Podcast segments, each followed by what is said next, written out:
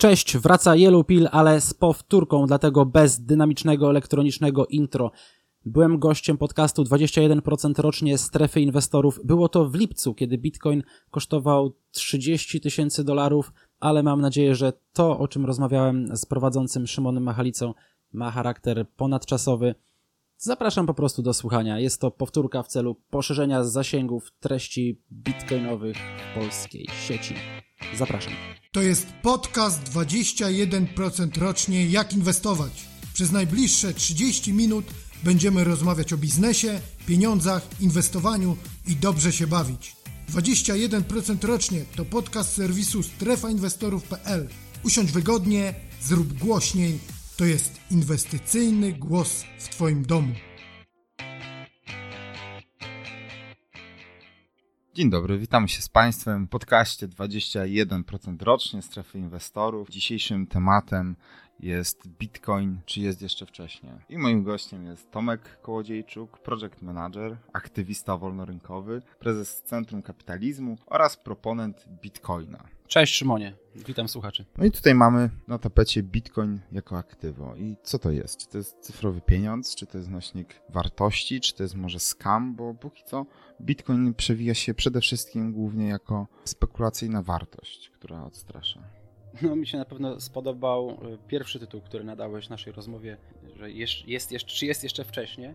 Jestem zdania, że zdecydowanie na Bitcoina nie jest za późno, jak się nie, niektórym e, wydaje, no ale rzeczywiście, żeby sobie z tego zdać sprawę, trzeba opisać, czym on jest i to też jest trafne stwierdzenie, że Bitcoin jest po prostu aktywem, aktywem cyfrowym, który e, spełnia wiele rzeczy, wiele potrzeb, rozwiązuje wiele problemów w Mm, światowej ekonomii na, w skali makro i mikro lepiej niż wiele innych aktywów, które do tej pory e, zyskiwały na wartości i Bitcoin jest w bardzo młodej e, fazie rozwoju. Jest aktywem dojrzewającym, moim zdaniem zdolnym do nawet pochłonięcia całego kapitału planety, całego kapitału, kapitału ludzkości, bo jest do tego zdolny, i społeczeństwo też jest optymalnie, kiedy skonwerguje do jednego aktywa, który będzie służył jako przechowalnia wartości oraz jako środek do wymiany. Jestem zdania, że kiedyś w przyszłości, czy to będzie za lat 50, 100 czy 300, dojdzie do konwergencji pieniądza bitcoina i będziemy mieli do czynienia z tak zwaną hiperbitcoinizacją. A obecnie, czym jest bitcoin? To rzeczywiście jest cyfrowym aktywem, który na pewne rzeczy e, już rozwiązał, pewne wciąż rozwiązuje, a do pewnych musi dojrzeć. Ja bym chciał, żebyśmy sobie dla lepszego porządku rozmowy naszej i naszych słuchaczy usystematyzowali sobie, czym jest ten Bitcoin i jaką on ma gwarancję bezpieczeństwa. Bitcoina można zrozumieć i opisać na e, wiele sposobów. Takie long story short. Technicznych czy e, ekonomicznych. Przede wszystkim i najłatwiej byłoby po prostu przyjąć założenie, że jest to rzeczywiście cyfrowy pieniądz o ograniczonej podaży. E, I to jest jedna z jego najważniejszych cechy, bo jest, cech, bo jest to rzeczywiście coś swego rodzaju elektronicznego złota, którego wiemy ile na świecie jest, ile go będzie, którego nie kontrolują żadne e, centralne ośrodki władzy, czy to państwa, czy instytucje, e, zdolny do niemal natychmiastowego i niemal bezkosztowego transferu ogromnych ilości kapitału na drugi koniec świata w sekundy, który można programować, który e, jest, który można prywatyzować, który można anonimizować, który spełnia wiele cech, dzięki któremu jako pieniądz jest lepszy od pieniądza państwowego, jest lepszy od złota i może rzeczywiście jeszcze nie jest walutą, chociaż mamy już kraj, w którym e, walutą się stał, nie jest walutą e, światową, ale jest na dobrej, na dobrej drodze i dość bezpiecznej, żeby taką walutą się stać. Bitcoin, a z, z, takiej strony technicznej najlepiej jest to rozumieć, że jest to rozproszony po całym świecie, bo są tysiące węzłów tej sieci, jest protokołem internetowym, mm, w którym zapisuje się transakcje między jego użytkownikami tej sieci. Więc coś w swego rodzaju księgi rozliczeniowej NBP-u lub Fedu, tyle że cyfrowe, niepodrabialne i bez kontroli jednego ośrodka pod zdecentralizowaną kontrolą każdego z użytkowników. Czyli nie ma takiej opcji, że w pewnym momencie ktoś po prostu, kolokwialnie mówiąc, zgasi światło, że odłączy od prądu. Jest to możliwe, że spadnie asteroida na Ziemię i zgasi światło i pewnie wiele różnych świateł, ale jako technologia mm, rzeczywiście można przyjąć, y, zakładać wiele wektorów ataku na, na tę sieć, aby przestała działać. Jednak ludzkość i jakby sam rozwój tego Bitcoina jest na takim etapie, że chyba osiągnął już prędkość ucieczki przed różnymi zagrożeniami, czy ze strony państw, czy ze strony y, złych agentów, jakichś przestępców, czy hakerów. Bitcoin nigdy do tej pory przez swoje 12 lat istnienia nie został zhakowany y, i z każdym dniem, z każdym miesiącem też również jego bezpieczeństwo rośnie, tak, tak jak rośnie przynajmniej w długim terminie y, jego wartość ale brakuje chyba takiego certyfikatu bezpieczeństwa, bo wciąż chodzi o to, czy może dojść do exit scamu. W jakim sensie exit scamu? Bitcoin nie należy do nikogo. Posiadając bitcoina, ty tak naprawdę posiadasz mm, klucz prywatny, czyli możliwość dopisania się do tej księgi rozliczeniowej, którą akceptują, którą musi zaakceptować cała sieć. Jest jedna taka, taka księga, która decyduje również o, stanach konta tych rzeczy, tych, tych, tych ludzi. Więc nie ma opcji exit scamu. Chyba, że ktoś po prostu, kto ma dużo bitcoina, zrobi z nim co? Sprzeda go? Może rzeczywiście wtedy spadnie jego wartość, ale sprzeda go w co? W dolary, w złoto, w sztukę? Wygląda na to, że i wielu, coraz więcej poważnych inwestorów czy funduszy inwestycyjnych na świecie wierzy, że jest najlepszym środkiem do przechowywania e, wartości e, w długim okresie. A nawet jeśli nie jedynym, to trzeba sobie zdać sprawę, że nie posiadając go w swoim jakkolwiek zróżnicowanym portfolio, możemy się nazwać, hmm, nie chcę nikogo obrazić, nieco zacofanymi boomerami, bo jest, może, przy, z takiego punktu widzenia adopcji czy popularności, Mm, możemy sobie przyrównać tę sieć do protokołu na przykład HTTP, który był rozwijany we wczesnych latach, y, na przełomie lat 80., 90. i dzisiaj jest domyślnym protokołem do komunikacji w sieci, czy protokół TCP/IP a Bitcoin jest takim protokołem do przesyłania wartości na etapie, na jakim internet był w 1999 roku. Mniej więcej tylu dzisiaj jest użytkowników sieci Bitcoin, co e, było wtedy użytkowników internetu. Więc jest bardzo wcześnie. No i jest taki trend. Y, ostatnio, tak jak opisywaliśmy na stronie inwestorów, y, jeden z funduszy Sorosza wchodzi y, wchodzi w trading na krypto. Wcześniej to już deklarował Ray Dalio.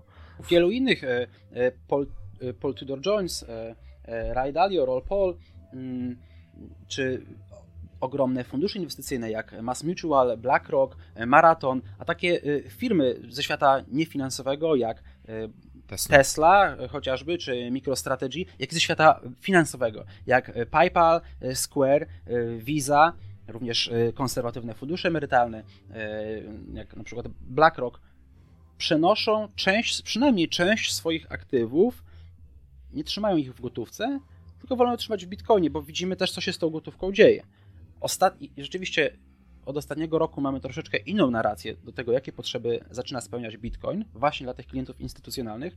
Ja myślę, że przede wszystkim z, z powodu tych zmian, które ostatnio się dzieją na świecie, mm, około pandemicznych, ale i nie tylko, oraz no, bezprecedensowej, mm, bezprecedensowego zwiększenia podaży y, dolarów czy złotówek, czy jakichkolwiek walut państwowych, bo wystarczy sobie spojrzeć na wykres e, pieniądza M1, e, które w, w Polsce od 2020 roku co trzecia złotówka powstała, słuchajcie, od e, stycznia 2020 roku. Co trzecia złotówka w historii. Podobnie jest z dolarem. I teraz, co się dzieje w długim okresie z wartością aktywa, które po prostu jest doprodukowane przez banki centralne, rozprowadzane przez banki komercyjne czy inne zaprzyjaźnione instytucje e, z, bankowością centralną. Mówisz o inflacji. Tak, mówię o inflacji, która jeszcze się nie zrealizowała na takim poziomie, e, jak, e, do jakiego doszło ze wzrostem podaży pieniądza, ale kiedy wymienialność tego pieniądza, obieg przyspieszy i wróci do normalnych poziomów w gospodarce, bo ten money velocity jeszcze niedawno był na historycznie niskim poziomie, mm, no to prawdopodobnie ta inflacja się zrealizuje i odczują ją również zwykli konsumenci, bo ta inflacja jest i rzeczywiście w ostatnich tam dwóch miesiącach to coraz więcej takich e, mediów popularnych, jakiś Money Bankier czy wy e, wspominacie e, o inflacji. I się, i się to przebija do mainstreamu, och, inflacja wynosi 4% czy 5%, tylko że jest to inflacja mierzona koszykiem konsumenckim przeciętnego obywatela. I może rzeczywiście rzeczy w supermarkecie podrożały o 5 czy 10% w ostatnim roku, no ale popatrzmy o ile podrożały nieruchomości, o ile podrożały akcje, o ile podrożały kryptowaluty. Koszyk dóbr dla osób, które są wcześniej w tej produkcji nowego pieniądza jest zgoła inny niż do tych e, ludzi powiedzmy na dole tej piramidy tak zwanej Cantillona. Jest taki efekt ekonomiczny, który mówi o tym, że najbardziej na produkcji nowego pieniądza korzystają ludzie, którzy są najbliżej bankowości centralnej, którzy mają pierwszy, pierwszy styk z tym pieniądzem. Na dole oczywiście są e, zwykli ludzie, którzy gdzieś tam w obiegu gospodarki nie, nie biorą udziału w rynkach kapitałowych, e, nie biorą czy nie udzielają kredytów, e, zwykli konsumenci. I oni już teraz zaczynają odczuwać skutki inflacji, a tacy ludzie jak nasi słuchacze, którzy przed inwestowali w surowce, inwestują, czy w akcje, czy właśnie w kryptowaluty, widzą, że tam nagle wycena tych firm, czy chociażby takiej Tesli, która wcale dużo więcej tych samochodów nie sprzedaje, a e, wycena spółki e, mm, w ostatnich latach poszła e, mocno do góry, tam ta inflacja jest odczuwalna, więc nie możemy o tym mówić, że, że inflacji nie ma i ona jest no, przede wszystkim skutkiem mm, masowego dodruku pieniądza. I Bitcoin świetnie ten problem rozwiązuje, co właśnie powoli zaczynają zauważać E, instytucjonalni gracze na rynku. No bo jest jeszcze tak zwana ukryta inflacja, plus że sama inflacja jest e, sprzyja bankom centralnym, czy tam rządowi, bo Ona chodzi, jest potrzebna. Bo Ona... chodzi, że to jest ukryty podatek. No tak, tak można e, traktować inflację jako ukryty podatek. Inflacja do dróg pieniądza jest moim zdaniem sposobem na przedłużenie agonii tego powolnego systemu monetarnego. Nie chcę, żebyśmy o tym dyskutowali, ale wszyscy chyba sobie zdajemy sprawę, że i to też nie jest jakaś wiedza ukryta ani teoria spiskowa, że mamy do czynienia z przygotowaniem do zmiany e, jakiegoś paradygmatu finansowego. No i zresztą European Central Bank w zeszłym tygodniu ogłosił swoją kryptowalutę opartą na euro, e, to znaczy przygotowania do stworzenia swojego CBDC. Taki CBDC już jest stworzony na przykład w Chinach, tam, tam, tam, tam już są jego testy i tutaj chyba nie będzie niespodzianką, że będziemy mieli do czynienia z być może anulacjami długu publicznego. Trzeba będzie ten system e, finansowy naprawić. Banki znajdują się w kłopotach. Waluty państwowe tracą na wartości, więc porównajmy sobie cenę mm, dolara wycenianą w satoshich, to znaczy w groszach bitcoinowych, albo cenę dolara wycenianą w, mm, w złocie. Ona cały czas maleje. Wartość nabywcza jednostki pieniądza maleje, więc po co taka Tesla, czy MicroStrategy, czy w przyszłości Apple, Facebook mają trzymać na swoich kontach, bo to są firmy z bilionową z, wyceną. Nie, nie tylko bilionową wyceną, ale też z sporymi rezerwami gotówki. I na przykład Michael Saylor, Saylor y, CEO MicroStrategy, który niejako zapoczątkował tę falę y, mm, instytucjonalnych inwestycji y, w Bitcoina, sam przyznał, że on jeszcze rok temu, jeszcze powiedzmy półtora roku temu, nie wiedział dużo o Bitcoinie, lub to, co wiedział, to uważał, miał taką mainstreamową opinię o nim, był raczej przeciwnikiem, ale jednak zauważył, że te on tam miał mm, półtora biliona bodajże i wydał z tego 500 miliardów dolarów na bitcoina. Miał półtora biliona w wolnej gotówki. Oczywiście one były ulokowane gdzieś w jakichś e, obligacjach, czy po prostu mieli je w złocie lub w dolarach. Tylko to, co mieli e, w dolarach, po prostu topniało. I, i obecnie poziom tego topnienia z, taki, z takiej rynkowej wyceny to jest około 2% miesięcznie. No więc jeśli siedzisz na górze gotówki, która w ciągu roku traci 25%, to dlaczego nie przenieść je w aktywo, które jest antyinflacyjne? Dla niego tym najlepszym antyinflacyjnym aktywem e, został Bitcoin i coraz więcej rzeczywiście e, osób udaje mu się e, do tego przekonywać. Zresztą nie tylko jemu, bo no Bitcoin to jest ogromna sieć zwolenników A własności prywatnej, B odwalenia się państwa od Twoich portfeli, czy od kontroli y, pieniądza, jego kierunku, y, y, jego produkcji oraz, oraz, oraz jego ilości, sieć zwolenników prywatności, wolności, decentralizacji i tego, aby rzeczywiście Bitcoin nie pozostawał pod niczyją kontrolą, tylko był, był neutralnym, natywnym pieniądzem internetu.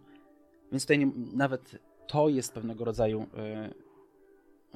środek, imun, jakby e, system immunologiczny e, tej sieci, bo nie tylko ona cały czas ewoluuje, bo Bitcoin nie jest tym samym, czym mm, był podczas jego stworzenia w 2009 mm, roku, e, tylko on też cały czas ewoluuje i uodparnia się mm, na potencjalne ataki, których szansa jakby z z każdym rozrostem tej sieci e, na powodzenie maleje. No bo są jeszcze te forki, tylko zanim przejdziemy do tej następnej kwestii, chciałbym dopytać się, czyli certyfikatem bezpieczeństwa dla Bitcoina, tak jak dla pieniędzy fiducjarnych jest to, że to gwarantuje nam bank, państwo, gwarantem w Bitcoinie jest po prostu to, jak jest stworzony. I... Bitcoin jest zabezpieczony przez matematykę, ponieważ żeby uzyskać dostęp do tej sieci, trzeba odgadnąć liczbę o wysokości no, dziś wręcz niepoliczalnej przez jedną, jed, jedną jednostkę. Gdyby jeden komputer, jakiś naj, najmocniejszy komputer na świecie musiał zgadywać tę liczbę, musiał, chciałby włamać się do sieci Bitcoin, a to włamanie to tak naprawdę oznacza tylko uzyskanie jednej transakcji podwójnej, i to zresztą ma swoje implikacje, że ona nie zostanie później e, potwierdzona. E, zdaniem wielu po prostu atak na Bitcoina jest niemożliwy, w każdym razie jest to po prostu naj, najbardziej zaawansowana i za każdym razem Bitcoin korzysta z najbardziej zaawansowanych metod cy, cyfrografii. Obecnie e, chroni go tak zwana funkcja jednokierunkowa hash 256, więc trzeba zgadnąć liczbę o wysokości 2, 2 do potęgi 256. To jest, to jest 4 biliony razy 4 biliony razy 4 biliony razy 4 biliony razy 4 biliony. Jeśli mielibyśmy zgadywać przez jedną sekundę 4 biliony liczb i chcieli odgadnąć i zgadywać plus operować tą funkcją i chciałby to zrobić ktokolwiek ze złych agentów, to musiałby ją zgadywać przez 126 lat. Przy czym blok Bitcoina, jakby czas między kolejnym dopisaniem e, historii transakcji do tej sieci e, trwa 10 minut. Więc obecnie, żeby złamać e, Bitcoina, trzeba by użyć czegoś mocniejszego niż, sam, niż sama sieć Bitcoina. Jest to obecnie najmocniejszy, po prostu można traktować tego, najmocniejszy e, superkomputer świata. Koszt wyprodukowania takiego komputera, czy koszt zdobycia takiej mocy obliczeniowej byłby większy niż, niż korzyść, jaką e, ataker mógłby uzyskać, więc to jest też efektywnie, ekonomicznie nieopłacalne. Poza tym, gdyby doszło do tej podwójnej transakcji, czyli jedynej możliwości jakiegoś złego zachowania mm, w sieci Bitcoin, dopisania e, fałszywego przelewu, to uczciwi e, użytkownicy sieci, a w większości tacy, właśnie ta sekta tych ludzi, tę sekta setek tysięcy zwolenników, te węzły prowadzi, oni mogliby po prostu używać bitcoina oryginalnego i ten bitcoin złamany nie zyskałby na wartości. Ja wiem, że to brzmi skomplikowanie, jednak ta technologia sieci bitcoin po prostu trzeba zaufać. Myślę, że dla większości słuchaczy to nie ma znaczenia, jaka tam funkcja siedzi, ale wystarczy spojrzeć, że do tej pory przez 12 e, lat istnienia bitcoina ani razu nie został skakowany i prawdopodobnie nie będzie. Poza tym, tak jak mówię, ekonomicznie atakowanie bitcoina jest nieopłacalne. No dobrze, to po kwestii bezpieczeństwa mamy y, taką kwestię, która wydaje mi się jest najistotniejsza, bo czy użytkowość i tak dalej, no to, to to już jest inny etap, y, adaptacja, ale bezpieczeństwo, to co mamy wytłumaczone. Ale druga kwestia, która odstrasza od, od Bitcoina nawet bardziej niż kwestie bezpieczeństwa, to jest jego wartość spekulacyjna, która jest niesamowicie zmienna i jest bardzo podatna gdzieś tam na różne wpływy. Jak, jak tutaj, e, jak zabezpieczyć część majątku, bo wspominałeś o spółkach, które są przebogate, ale tutaj chodzi o taki, dobra, żeby ten portfel e, był zdywersyfikowany gdzieś tam, że 10% czy 15 czy 21 e, mam w portfelu, ale jak to robić, kiedy Bitcoin jest y, raz po 60 tysięcy, a za chwilę, tak jak mamy w ostatnim czasie, w czasie co nagrywam ten podcast, mamy poniżej 30 tysięcy, czyli poniżej tej magicznej bariery y, psychologicznej. Mamy takie coś, że są, pojawiają się nagłówki, że górnicy wyprzedają. Mamy y, moment, gdzie Chiny próbują blokować. No, Chiny już praktycznie wyrzuciły y, górników ze, ze swoich sieci. Ja myślę, że takim instytucjom jak strefa inwestorów opłacałoby się pisać takie nagłówki i powodować strach na ulicy, takie sztuczki, takie sztuczki pewnie e, znacie, po to, żeby samemu kupić e, bitcoina taniej. I rzeczywiście, jeśli obserwujemy na e, mm, różne takie wskaźniki z sieci Bitcoin, bo informacja o transakcjach jest otwarcie mm, dostępna, chociaż niekoniecznie możemy powiedzieć, mm, kto za tymi transakcjami stoi, to widać na nich dość wyraźnie, że wyprzedawany jest w czasach paniki, zawsze tak było, zresztą nie tylko na Bitcoinie, wyprzedawany jest Bitcoin z po prostu słabych papierowych rąk z ulicy, która e, weszła podczas ostatniego e, ranu na Bitcoina mm, na przełomie e, roku 2020-2021, a w tym czasie mm, wieloryby mm, tego Bitcoina akumulują. W czasie trwania, jakby od początku istnienia Bitcoina nie było takich 5 lat, żeby Bitcoin stracił na wartości. I w 2013, 2014, 2017 również zrzucano Bitcoinowi zmienność i duże wahania ceny. Jednak co z tego, że on się wahał na poziomie między 6 a 3, jeśli teraz e, jest na poziomie 30, 50, 60. Na, na to aktywo trzeba patrzeć raczej e, długoterminowo mm, i przyjąć horyzont e, większy niż 5 czy 10 lat, bo kiedyś dojdziemy do takiego punktu. Ja nie wyobrażam sobie, żeby ludzkość osiągnęła taki poziom rozwoju bez zdrowego pieniądza, jaki sobie wyobrażamy, na przykład wyobrażając sobie, nie wiem, loty w kosmos, czy stawianie sfery Dysona, czy oparcie mm, systemu energetycznego odnawialne źródła energii, to jest po prostu technicznie niewykonalne, jeśli mamy pieniądz pod kontrolą państwową. Ja nie wyobrażam sobie, żeby, mm, chyba że dojdzie do jakiejś ogromnej e, katastrofy, ale nie wyobrażam sobie, żeby świat w roku 2100 wciąż używał mm, złotych kamyków lub papierków e, drukowanych przez, przez, e, przez polityczne organizacje jako swojego pieniądza. To musi być cyfrowy, zdecentralizowany pieniądz i może rzeczywiście jutro cena być trochę niższa niż dzisiaj, ale kierunek moim zdaniem tego wykresu jest jeden, a jeśli on byłby w drugą stronę, e, to ja bym to traktował jako mm, okazję do, e, do, do kupienia. No, jest to prawdą, tutaj nie ma kłamstwa, że Bitcoin od momentu, kiedy jest e, notowany od 2010 roku do 2021 znajduje się w trendzie wzrostowym. Tak jak na przykład większość spółek w Stanach, które są tam notowane od lat 70., nie wiem jak Pepsi. Czy... Ja myślę, że cena Bitcoina jest bardziej przewidywalna niż e, ilość dolarów w obiegu. teraz tak naprawdę, albo nawet nie wiemy, ile jest złota w obiegu. Nie wiemy, co się, na jaki pomysł wpadnie Joe Biden i ile set dolarów będzie chciał w następnym półroczu przekazać każdemu Amerykanowi i co to sprawi z mm, oszczędnościami e, nie tylko Amerykanów, ale ludzi na całym świecie oraz z wyceną e, gotówki. Co rozumiesz przez to, że cena Bitcoina jest przewidywalna? Znaczy, to, to, to akurat był, był raczej żart. Jestem pewien, że ona pójdzie do góry i pewnie podaż pieniądza też w długim okresie e, pójdzie do góry. Rzeczywiście, ceny bitcoina nie da się e, prosto przewidzieć, chociaż jest e, taki model. Ja jestem przeciwnikiem akurat modelowania matematycznego ekonomii, czy w ogóle analizy technicznej. Jednak jakby jej sympatycy mogą sobie spojrzeć na coś takiego jak stock to flow model możesz sobie otworzyć.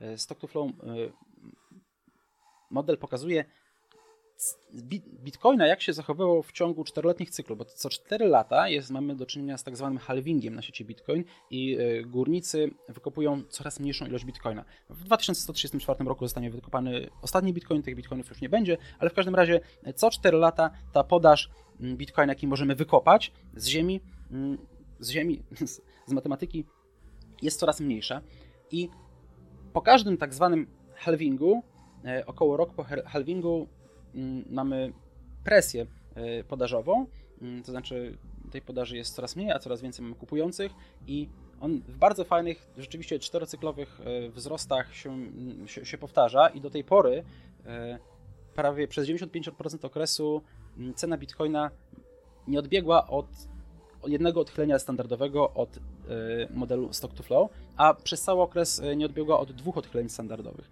E, według tego modelu wciąż jesteśmy mm, w rynku byczym i cena powinna się ustabilizować na poziomie około 100 tysięcy dolarów.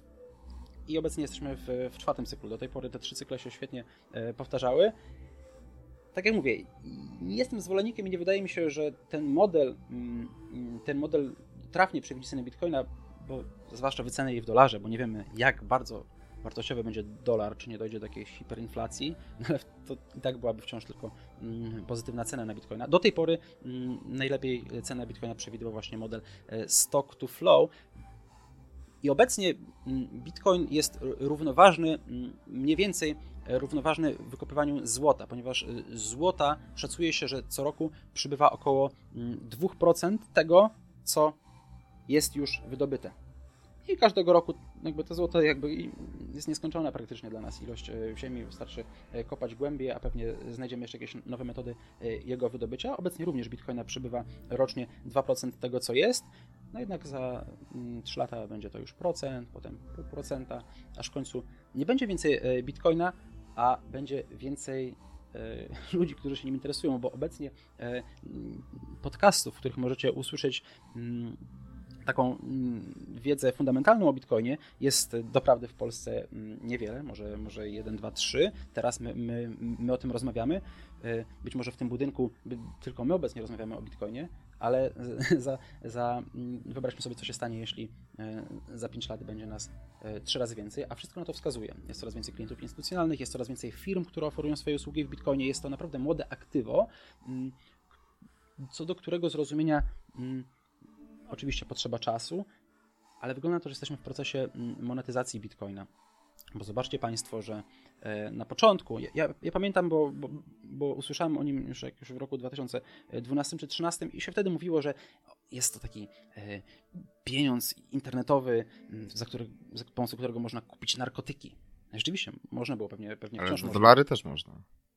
Można kupić, oczywiście dzisiaj również wszystko można kupić praktycznie mm, za pomocą mm, bitcoina. Narkotyki też można kupić za pomocą normalnych walut, a potem się mówiło, że bitcoin to się służy do obsługi internetowych kasyn.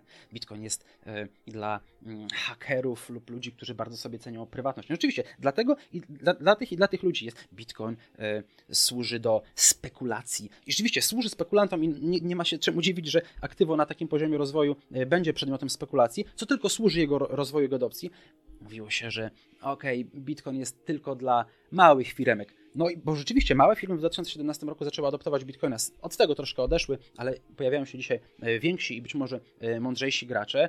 E, ale Bitcoin jest, nigdy nie, nie będzie walutą, nie zaadoptuje go państwo. Kochani, ponad miesiąc temu Salwador uznał, że Bitcoin będzie oficjalnym środkiem płatniczym tego kraju, więc mamy do czynienia z sytuacją bezprecedensową, że rzeczywiście ta monetyzacja przebiega również na instytucjonalnym poziomie. I za dwa miesiące będzie e, Bitcoin w użyciu e, przez wszystkich Salwadorczyków, tam mm, państwo gwarantuje infrastrukturę, e, edukację, chcą się wyrwać z, z, z kontroli mm, z kontroli amerykańskiego Fedu, chcą zostać cyfrową Szwajcarią XXI wieku, przynajmniej Ameryki Łacińskiej. I nie tylko oni. Za Salwadorem prawdopodobnie pójdą kolejne kraje, za MicroStrategy, za e, PayPalem pójdą kolejne firmy, które zauważą, że hej, być może lepiej naszą wartość utrzymamy e, w tym aktywie, którego podaż jest wiadoma i którego nigdy nie będzie więcej, którego nigdy nikt nie, nie, schakuje, którego nigdy ci nikt nie zablokuje. Ok, są pewne, są pewne metody, ale zawsze istnieje ten mm, wektor ucieczki i wygląda na to, że Bitcoin rzeczywiście jest e, wręcz anty, mm, jak to się mówi, antykruchy im więcej jest na niego wektorów ataku, bo gdyby w Polsce dzisiaj na przykład Andrzej Duda e, czy ktoś zabronił e, korzystania z Bitcoina, to myślę, że jego cena by tylko w Polsce wzrosła i e, zrobiłby tylko mu popularność. Mało tego, jeśli, Stan, jeśli na przykład Chiny zbanują Bitcoina, co wcale się nie dzieje, no, oni tam banują kopanie Bitcoina, mm, co też jest dobre, bo wtedy e, jest to zachęta dla nie wiem, krajów typu Szwajcaria, może Nowa Zelandia, nawet pewnych stanów Stanów Zjednoczonych, e, aby otwierać się na biznesy bitcoinowe, aby otwierać się na kopanie bitcoinów. Teoria gier mm, niejako sugeruje, że znaczy wskazuje na to, że mm, tej siły już nie powstrzymacie. A o co chodzi właśnie? No bo jest taki trend. Pierwsze państwo Salwador, które oficjalnie adoptuje Bitcoina, ty jako entuzjasta i proponent, jak wygląda ten trend debaty światowej innych państw? Czy są jakieś pogłoski, czy są jakieś spekulacje, że kolejne państwa będą szły taką ścieżką? bo to też czemuś służy, to, to że Salwador y, adoptuje, a z, z drugiej strony mamy Chiny, które jednak mają, mają problem z Bitcoinem. Ja myślę, akurat bym się z tym cieszył, że państwa autorytarne mają y, problem z Bitcoinem, bo Bitcoin jest pieniądzem y, wolności. A co do tej adopcji, to pamiętamy, w 2017 roku polskie linie lotnicze LOT jako jedne z pierwszych na świecie udostępniły możliwość e, kupowania biletów za pomocą bitcoina. Pyszne.pl wdrożyło płatność e, bitcoinami. Wtedy był ten pierwszy bull run, potem rzeczywiście po spadkach i firmy, i ulica zaczęły się z tego bitcoina wycofywać, nastąpiła faza jakiejś tam e, konsolidacji, stabilizacji rynku. Teraz znowu jesteśmy być może w, w podobnej fazie jednak na, na poziomie cenowym 5 razy wyższym. I państwa również podejmują takie próby. Czy to, czy to Estonia, czy pewne kraje lub y, Stany Stanów Zjednoczonych, jak np. Miami czy Wyoming, y, dają ulgi podatkowe dla firm bitcoinowych, czy tak jak y, Salwador w ogóle wprowadza 0% mm, podatek mm, dochodowy oraz bardzo tanie obywatelstwa dla bitcoinowych przedsiębiorców, czym pewnie ściągną kapitał i rzeczywiście poprawią swoją sytuację swojego kraju, bo to jest rzeczywiście kraj przynajmniej był o wysokiej, wysokim poziomie przestępczości, e, tam ludziom się najlepiej nie powodzi i mm, jego władze chciały prawdopodobnie troszkę uciec spod kontroli e, dolara czy, czy juana. Niektórzy pewnie władcy państw czują się, że e, jest to czas na, nie wiem, mm, wywieszenie flagi przynależności do któregoś z przyszłych systemów monetarnych. Być może one nie chcą, albo ich obywatele, aby mm, ich pieniądze zostały Mm, blokowane na kontach, aby ich pieniądze były pod kontrolą polityczną, aby tak jak w Chinach blokowano, nie blokowano im linii kredytowych, bo kamerka rozpoznała mm, ciebie na proteście. Z Bitcoinem się tego zrobić nie da i e, w kolejce za Salwadorem no, plotkowało się o Indiach, e, ale stoi e, Paragwaj, Brazylia, kraje Ameryki Łacińskiej, których coraz więcej polityków ustawia sobie laserowe oczy na Twitterze. Mm, jest to taki nawet powiedzmy inside joke, ale deklaruje też, że będą robić wszystko, aby ich kraje aby ich obywatele nie korzystały, nie, nie, musieli korzystać e, z waluty pod kontrolą państwową, ba, jeśli tak jak w przypadku Salwadoru jest to obce państwo, bo tam oni nie mieli własnej waluty, tylko mm, byli pod e, monopolem mm, dolara, więc będą się decydować na możliwość używania takich pieniędzy. Pamiętajmy też, że Bitcoin rzeczywiście jest pieniądzem wolności i mm, tam nawet w Nigerii jest więcej jego użytkowników niż w Stanach Zjednoczonych bo na przykład fajne use cases, fajne, ja nie chciałbym być w tej sytuacji, ale e, które pokazują, jak jest to moralnie dobry pieniądz i mm, antypaństwowy mm, przeciwko państwowej kontroli. Działo się na przykład w Wenezueli, tak? kiedy mm, no, dzisiaj również tam nie jest najlepsza sytuacja, ale mieliśmy do czynienia z hiperinflacją e, parę lat temu, no to wtedy na, najlepiej na tym wychodzili ludzie, przynajmniej w wycenie e, boliwarskiej, którzy uciekali od e, tego państwowego dodrukowanego pieniądza i kupowali sobie e, bitcoina. On w międzyczasie w stosunku do Boliwara wzrósł, wzrósł kilkusetkrotnie. I ci ludzie byli w stanie, oni nie są w stanie uciec z tego kraju ze swoimi domami, nawet gdyby sprzedali, ciężko sprzedać dom za złoto, jak cały majątek wywieźć, a na przykład z takiej Białorusi, Wenezueli, czy nie daj Boże w przyszłości Polski, będziemy w stanie przenieść, już dziś jesteśmy w stanie przenieść majątek swojego życia tak naprawdę w głowie, przynosząc, pamiętając dostęp do, do, do swoich bitcoinów. I to jest piękne, bo bitcoin nie zna granic i może być y, za pomocą y, technologii cyfrowej w milisekundy przeniesiony na drugi koniec świata, także y, żaden polityk ciebie nie powstrzyma. No bo wiesz co, jeszcze tylko chciałem za, za, zapytać. O co chodzi z tym inside joke'iem e, czerwone światła u polityków? Rzeczywiście na, na Twitterze można zaobserwować, że ta scena bitcoinowa, która jest najbardziej aktywna obecnie e, na Twitterze i polecam mm, no chociażby nasz profil yellowpill.pl, gdzie retweetujemy e, oraz udostępniamy listę najlepszych profili bitcoinowych, takich rzeczywiście ze zrozumieniem, bo u nas w Polsce to jest sporo skamów lub naciągaczy lub pseudotraderów. Mm, I tam na tym Twitterze swego czasu właśnie Michael Saylor, CEO MicroStrategy, w którymś z wywiadów udostępnionych mm, na tej platformie e, właśnie mówił o laser precision, like Bitcoin is like, uh, like a laser eye, with laser eyes precision you can move your capital to the other uh, side of the world. Czym jakby wskazywał na niesamowitą jakby kondensację energetyczną Bitcoina i jego zdolność I właśnie stąd się wziął mem mm, laserowych oczu, e, które jakby trw, trwa dotąd, aż Bitcoin osiągnie cenę, e, jakoś tak się społeczność umówiła, 100 tysięcy dolarów, więc był taki hashtag Laser Eyes 200k e, i ludzie, którzy jakby są full into Bitcoin i chcą, żeby to aktywo przetrwało i zniszczyło marzenia niecnych polityków o e, CBDC czy kontroli po prostu e, tego krwioobiegu gospodarki, jakim jest e, pieniądz, ustawiają sobie laserowe, laserowe oczy, aby niejako zasygnalizować swoją przynależność. Jest to taki, taki mem zabawny. Jeszcze o tej, o tej kondensacji energetycznej, bo właśnie te, ten Michael Saylor, CEO MicroStrategy, jest niejako odpowiedzialny za ten Blue Run 2020 roku, a na pewno ten run instytucjonalny. On e, również, on również często mówi o Bitcoinie w takim kontekście energetycznym. I nie chodzi mi tu już o, mm, o to, jak Bitcoin marnuje, czy tam wykorzystuje energię, prąd, tak? Wykorzystuje energię. E, tak, jakby z tym, to, to, to, o, tym też możemy porozmawiać, bo to moim zdaniem w ogóle nie jest, e, nie jest słuszny zarzut.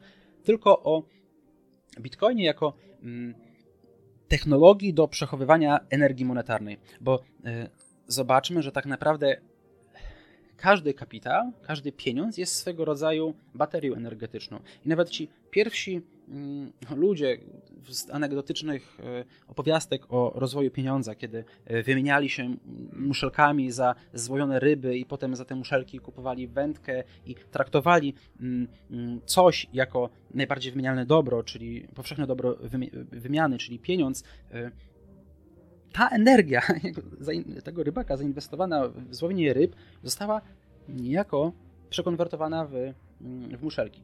Musimy, musimy, oczywiście pamiętać o zasadzie zachowania energii yy, itp., ale kochani, również można niejako traktować zwykły pieniądz, jeśli, jeśli yy, yy, sprzedacie prąd generowany przez wiatraki za, nie wiem, 300 zł, pojedziecie do Mm, mm, Indii i kupicie za to tam, nie wiem, baterię i wykorzystacie ją na jakąś inną formę energii, to tak, można również traktować e, pieniądz jako przechowywanie energii. I Bitcoin jest swego rodzaju e, baterią energetyczną, e, medium tej energii monetarnej.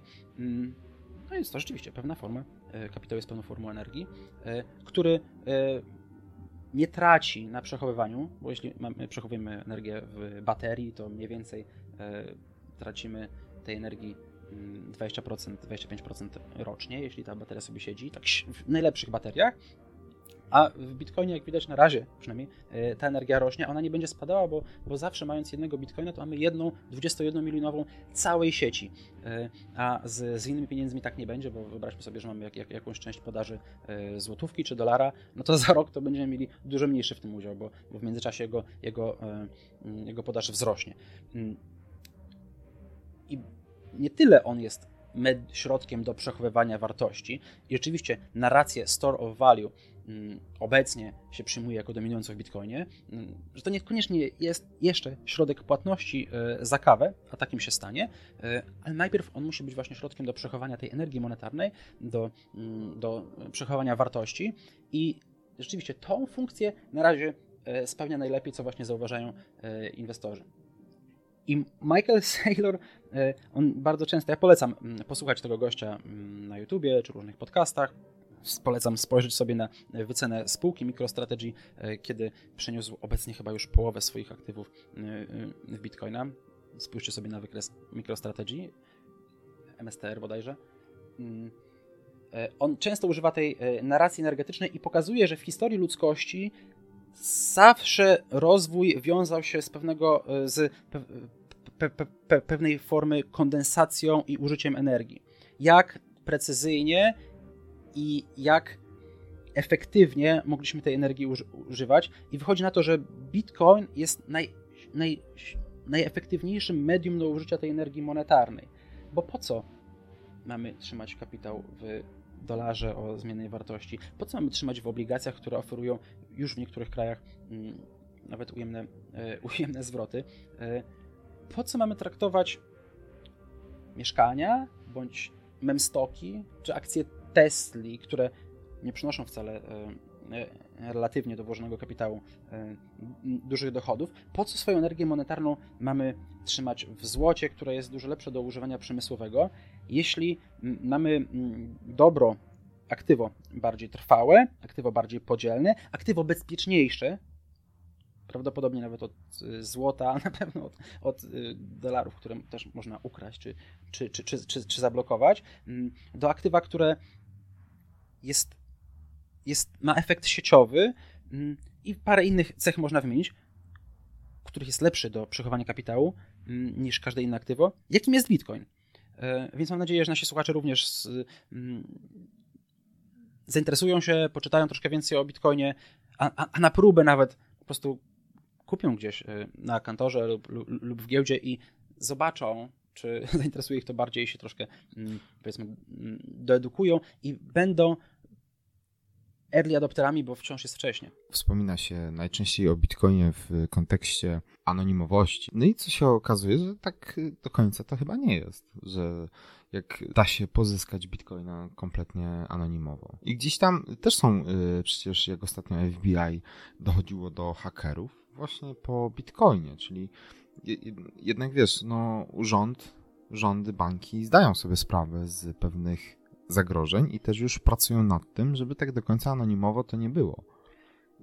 Znaczy, to na pewno jest e, temat, który sprawia nieco konfuzji, bo Bitcoin tak naprawdę nie jest jako ta sama sieć anonimowy. On jest pseudonimowy.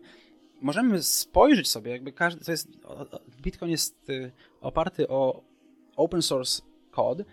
Każdy może na swoim komputerze sobie uruchomić węzeł w sieci Bitcoin, czy, czy spróbować wykopać Bitcoina, czy napisać kod, który będzie operował tym protokołem, tak jak każdy może, mm, nie wiem, na swoim procesorze czy telefonie napisać aplikację i używać protokołu TCP/IP.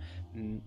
I każdy może zajrzeć, e, jaki e, portfel, jaki adres publiczny, ile ma tych bitcoinów oraz co się dzieje w danym bloku, bo ten blockchain co 10 minut wychodzi nowy blok z mm, pewną grupą transakcji, z wpisami do tej księgi rozliczeniowej, jakie transakcje on zawiera, kto komu ile przelał. I rzeczywiście y, dlatego możemy korzystać z, mm, z metryk takich on-chain, z, z mm, data science na, na Bitcoinie i sprawdzać, czy jakby jak duże portfele, jak dużo tego Bitcoina akumulują, y, jak on wpływa lub wypływa z giełd, ale nie, nie jesteśmy w stanie powiązać mm, tych adresów publicznych, bo to są również po prostu bardzo duże liczby, 1 x, g, c, q, 5 i z daną tożsamością.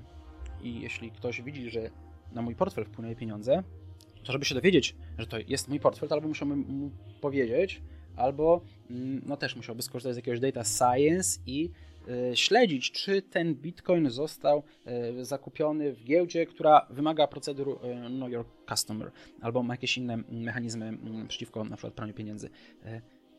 I na większości rzeczywiście giełd, żeby kupić bitcoina, musimy podać swoją tożsamość i teoretycznie na przykład urzędy skarbowe mogłyby wyciągnąć taką bazę danych z chińskiej giełdy, na której no, największa giełda jest tak naprawdę Binance. Chińczyka, Binance. Na tej giełdzie jest, jest mnóstwo i i mogłaby polska skarbówka wyciągnąć tam dane z Binance'a czy z Coinbase'a i dojść, że ok, ten portfel przyjął z tego portfela, a tutaj z tym portfelem mamy powiązaną, powiązane imię i nazwisko. I to jest teoretycznie możliwe. E, jest to pewnie e, bardzo trudne, żeby polska skarbówka takie informacje wyciągała, a poza tym jest e, mnóstwo metod na anonimizację Bitcoina. Bitcoina przed wykopane, polecam spróbować kopania Bitcoina, są anonimowe, nie da się ich powiązać z tożsamością. Można Bitcoiny wrzucać do tak zwanych mikserów, do których wpłacamy, no ufamy, że ta usługa nas nie oszuka. Mm, wpłacamy bitcoiny, one tam e, przechodzą jakby przez szereg transakcji e, i zostaną wypłacane na powiedzmy 10 naszych innych różnych portfeli. Nikt już nie dojdzie tak naprawdę mm, skąd kto ma tyle bitcoina. E, więc rzeczywiście bitcoin jako sama sieć nie jest jest otwarty, jest transparentny, wiemy, co się tam w tej sieci dzieje, mm, jednak no, nie musimy wcale wiązać go z naszą tożsamością. Więc w, tym sensie on zapewnia mm, prywatność. Oczywiście ma to swoje ograniczenia, ale cały czas powstają nowe technologie na zwiększenie tej prywatności. Yy, cały czas powstają mm, nowe biznesy, jakby ta, ta, ta, ta sieć się rozwija i zawsze wektor mm, rozwoju mm, sieci Bitcoin i jakichś nowych poprawek mm, do sieci mm, które muszą być też zaakceptowane przez całą sieć i tak dalej, one mają wektor właśnie decentralizacji, prywatności, bezpieczeństwa sieci w długim okresie. Mm, więc rzeczywiście tutaj o anonimowość bardzo bym się nie martwił są różne, są różne sposoby. Jeśli kogoś na przykład nie, z, inwestorów nie, nie obchodzi posiadanie takiego prawdziwego bitcoina i on nie chce zarządzać tymi kluczami prywatnymi czy publicznymi, to może sobie mm, kupić bitcoina na przykład na, na rewolucie i, i jakby zapłacić e, ten podatek od zysków kapitałowych, bo taki obecnie jest w Polsce przy powiedzmy wychodzeniu do e, fiatów, walut państwowych, mm, lub może kupić mm, ETF-a na giełdzie kanadyjskiej, czy nie, niedługo amerykańskiej, a, a, a wkrótce na europejskich, które, który po prostu będzie śledził cenę bitcoina. A może sobie kupić akcję e, Albo MicroStrategy, które gwarantują niemal stuprocentową ekspozycję mm, na Bitcoina i wtedy jakby się y, nie przejmować bezpieczeństwem sieci Bitcoin, tylko przejmować się bezpieczeństwem tej firmy, y, a również ze względów podatkowych czy, czy pr prywatności. Z Bitcoina można korzystać na wiele sposobów. Są mm, hakerzy czy nie wiem, nerdy, które rzeczywiście mm, bardzo dbają o prywatność i e, nie podają nigdzie swoich danych i starają się istnieć tylko w ekonomii e, bitcoinowej. W ogóle, nie wiem, zmieniają sobie dowody osobiste. Ok, dla, dla nich da się korzystać z bitcoina, a również dla osób, które mm, po prostu traktują to jako aktywo inwestycyjne, chcą to robić e, jak najbezpieczniej i najwygodniej, również są dziś narzędzia. Bitcoin ma jeszcze taki straszny problem z czarnym PR-em, bo tutaj chodzi o te kwestie tych tak jak mamy przegadany cały system Bitcoina, jak wygląda, e, bo oczywiście Bitcoina możemy trzymać sobie na giełdzie, Bitcoina możemy trzymać w portfelu, który jakby nie jest połączony w żaden sposób z giełdą? Nie możemy trzymać bitcoina na portfelu. To jakby, mm, to, ja, nie, nie, nie, to nie jest podstawa, jakby to nie, musimy tego wiedzieć, ale kochani, bitcoina nie trzymamy na portfelu. Mając bitcoina, my tak naprawdę mamy dostęp do podpisywania się naszym podpisem cyfrowym, naszym kontem powiązanym z naszym portfelem mm, w sieci Bitcoin do wysyłania, odbierania przelewów. Ja mogę nie mieć w ogóle portfela. Ja tak naprawdę nie mam portfela nawet, mm, lub mogę sobie założyć portfel, odinstalować portfel. To jest tak naprawdę y, para dwóch, nie znaczy na skończenie, ale niebywale, niewyobrażalnie ogromnych y, liczb, które lepiej, żeby może nie zostały zapisane na moim telefonie, więc jak kiedyś to na telefonie nie mam, w jakiś inny, inny sposób mam mm, mm, dostępu do tej sieci. Jednak ja nie mam swoich bitcoinów, nikt nie ma swoich bitcoinów na portfelu, one są w całym internecie. No właśnie, wiesz co, tak już yy, tytułem końca, z tego względu, że mamy omówione środowisko Bitcoina, jakby celowo nie rozmawialiśmy na tematy Ethereum czy innych yy, kryptowalut, bo to są tak kosmicznie wielkie tematy, że ewentualnie zostawimy to sobie na inne, inne odcinki. No może z kimś innym, ja na temat Ethereum się wolę e, nie wypowiadać, bo po prostu się na ten temat nie znam. Jest to ciekawy projekt, jednak bardziej traktowałbym to jako startup technologiczny, a inwestycje w to jako e, venture capital. Z kolei z Bitcoinem mamy do czynienia z coś, co w przyszłości ma potencjał pochłonąć całą energię monetarną właśnie z nieruchomości, akcji, obligacji, mm, walut na te 21 y, milionów bitcoinów mm, jest w stanie wessać jak czarna dziura cały kapitał monetarny świata i wtedy oddzielimy też y, wycenę, pieniądz, wycenę złota monetarną od wyceny złota przemysłowej, wycenę nieruchomości oszczędnościową od y, wyceny cashflowowej, czy nieruchomości, czy akcji będziemy mieli do czynienia z y, y, fajnym podziałem pracy, który też oczyści ceny i uzdrowi gospodarkę. Mamy do czynienia z, ze zdrowym pieniądzem poza kontrolą polityków, poza kontrolą tak naprawdę kogokolwiek, który nie został stworzony, bo przypominam, czym y, były waluty państwowe, do tego, żeby dofinansowywać wojny, nie ściągać od ludzi z podatków, bo nie da się szybko, żeby sfinansować pierwszą wojnę światową, a potem kolejne. Nie, żeby potem nie wymyślono na potrzeby wojny i potem, że te, te wojny opłacające pod kontrolą y, y, polityków, tylko aktywo, które zostało jako pieniądz wybrane przez jego uczestników i jest powoli i będzie wybierane przez, prze, prze, przez, przez najbliższe lata, nie będący pod niczyją kontrolą, y, z takimi cechami monetarnymi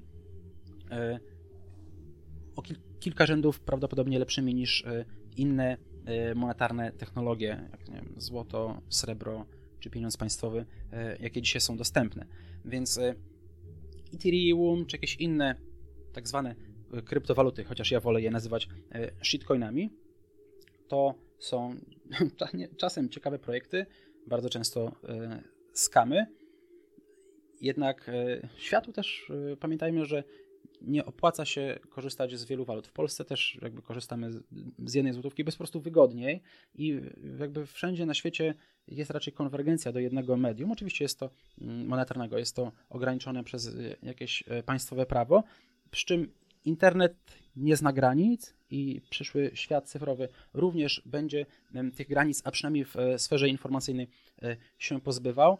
Nie będzie się po prostu opasało mieć więcej niż jednej waluty, a Bitcoin obecnie już tak dominuje swoją mocą obliczeniową, bezpieczeństwem i historią oraz swoimi właściwościami, że e, inne e, projekty, inne shitcoiny no, nie mają racji bytu, a przynajmniej nie powinny być e, traktowane jako konkurent czy alternatywa do Bitcoina.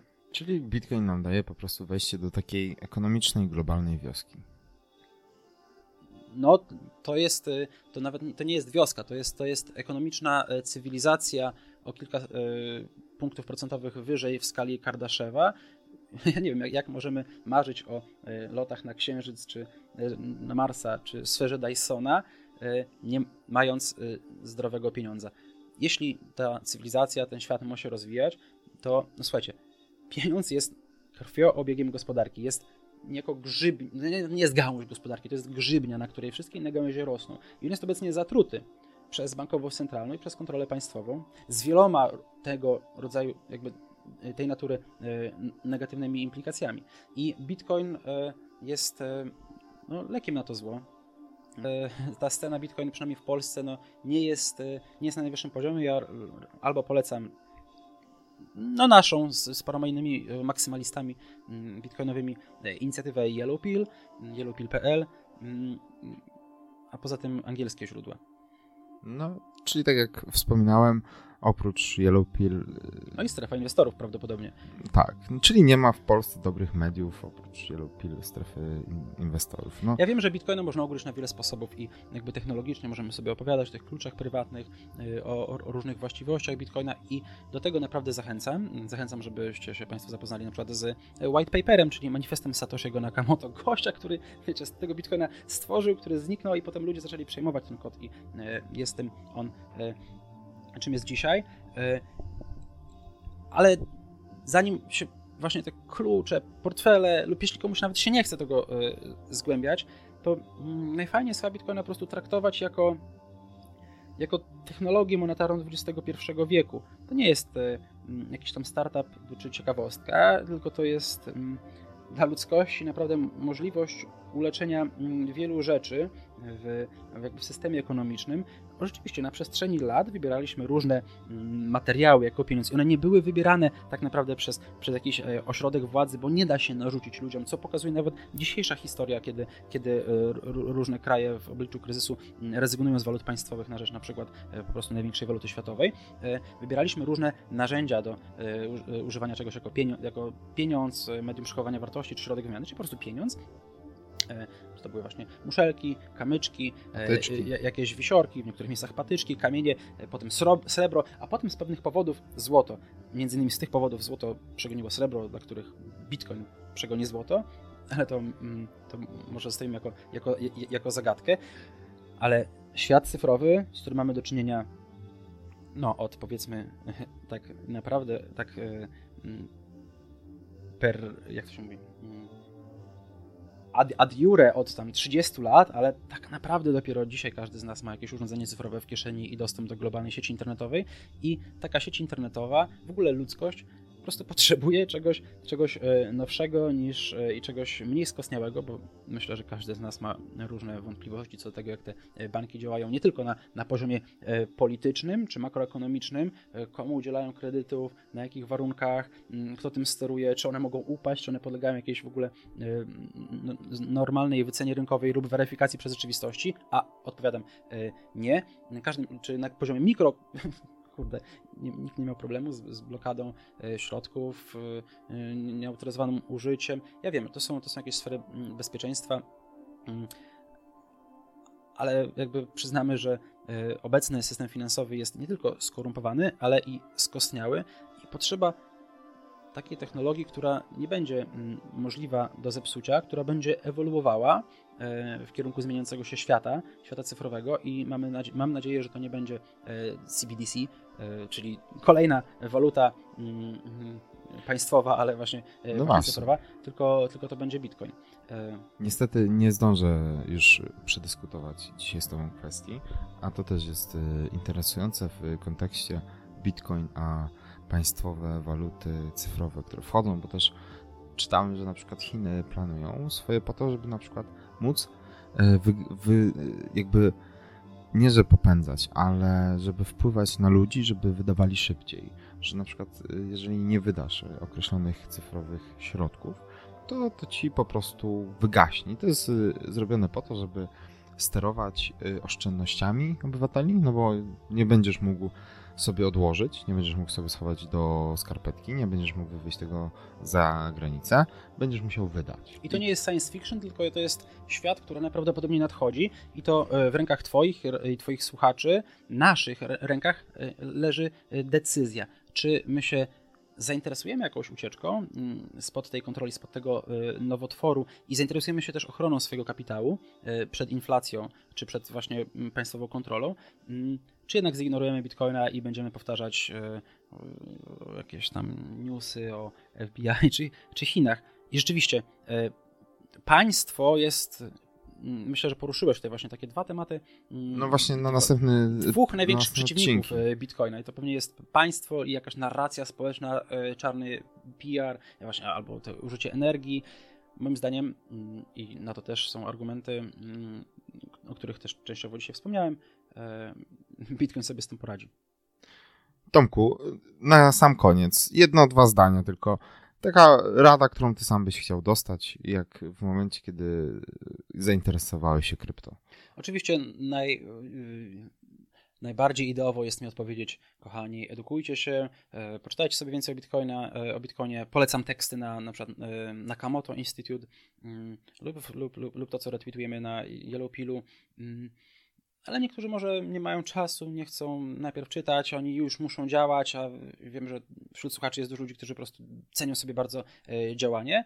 E, nic nie zaszkodzi e, wrzucić mm, jakiejś odrobiny kapitału, nawet, nawet pół procenta swojego portfolio mm, w tę przyszłościową, rewolucyjną sieć i obserwować, jak dużo, jak dużo procent, jak duży udział twojego portfolio e, będzie ten Bitcoin zawierał za lat 10, bo, bo ja też słyszę takie historie mm, od gości, którzy ok, wrzucili sobie, e, byli sceptykami Bitcoina, ale 5 lat temu sobie wrzucili 1% mm, portfolio w Bitcoinie, tam sobie leżał.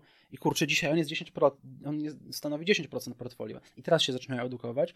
I rzeczywiście ta strategia chyba najfajniej działa. Jeśli ktoś wciąż ma jakieś wątpliwości czy problemy, czy potrzebuje pomocy z, mm, ze zrozumieniem Bitcoina albo z instytucjonalnym bądź prywatnym wejściem, chciałby zakupić go możliwie bezpiecznie, być może po prostu bardzo prywatnie, e, albo nie chciałby popełnić głupoty, bo tutaj rzeczywiście mm, ta kwestia bezpieczeństwa jest dość istotna i e, lepiej, żebyśmy jej nie oddawali mm, w ręce mm, instytucji bardziej zaufanych lub mniej, tylko sami zrozumieli, na czym polega bezpieczne trzymanie, przechowanie bitcoina lub, lub handlowanie nim, chociaż sprzedawania nie polecam, to e, tym ludziom po prostu polecam odezwać się do mnie, Tomek Kołodziejczuk na Twitterze albo po prostu na maila tomekmałpa.yellowpill.pl e, No ja chętnie pomogę, wytłumaczyć. To będzie jeszcze w opisie też na naszym W opisie do podcastu jest, jest kontakt do mnie.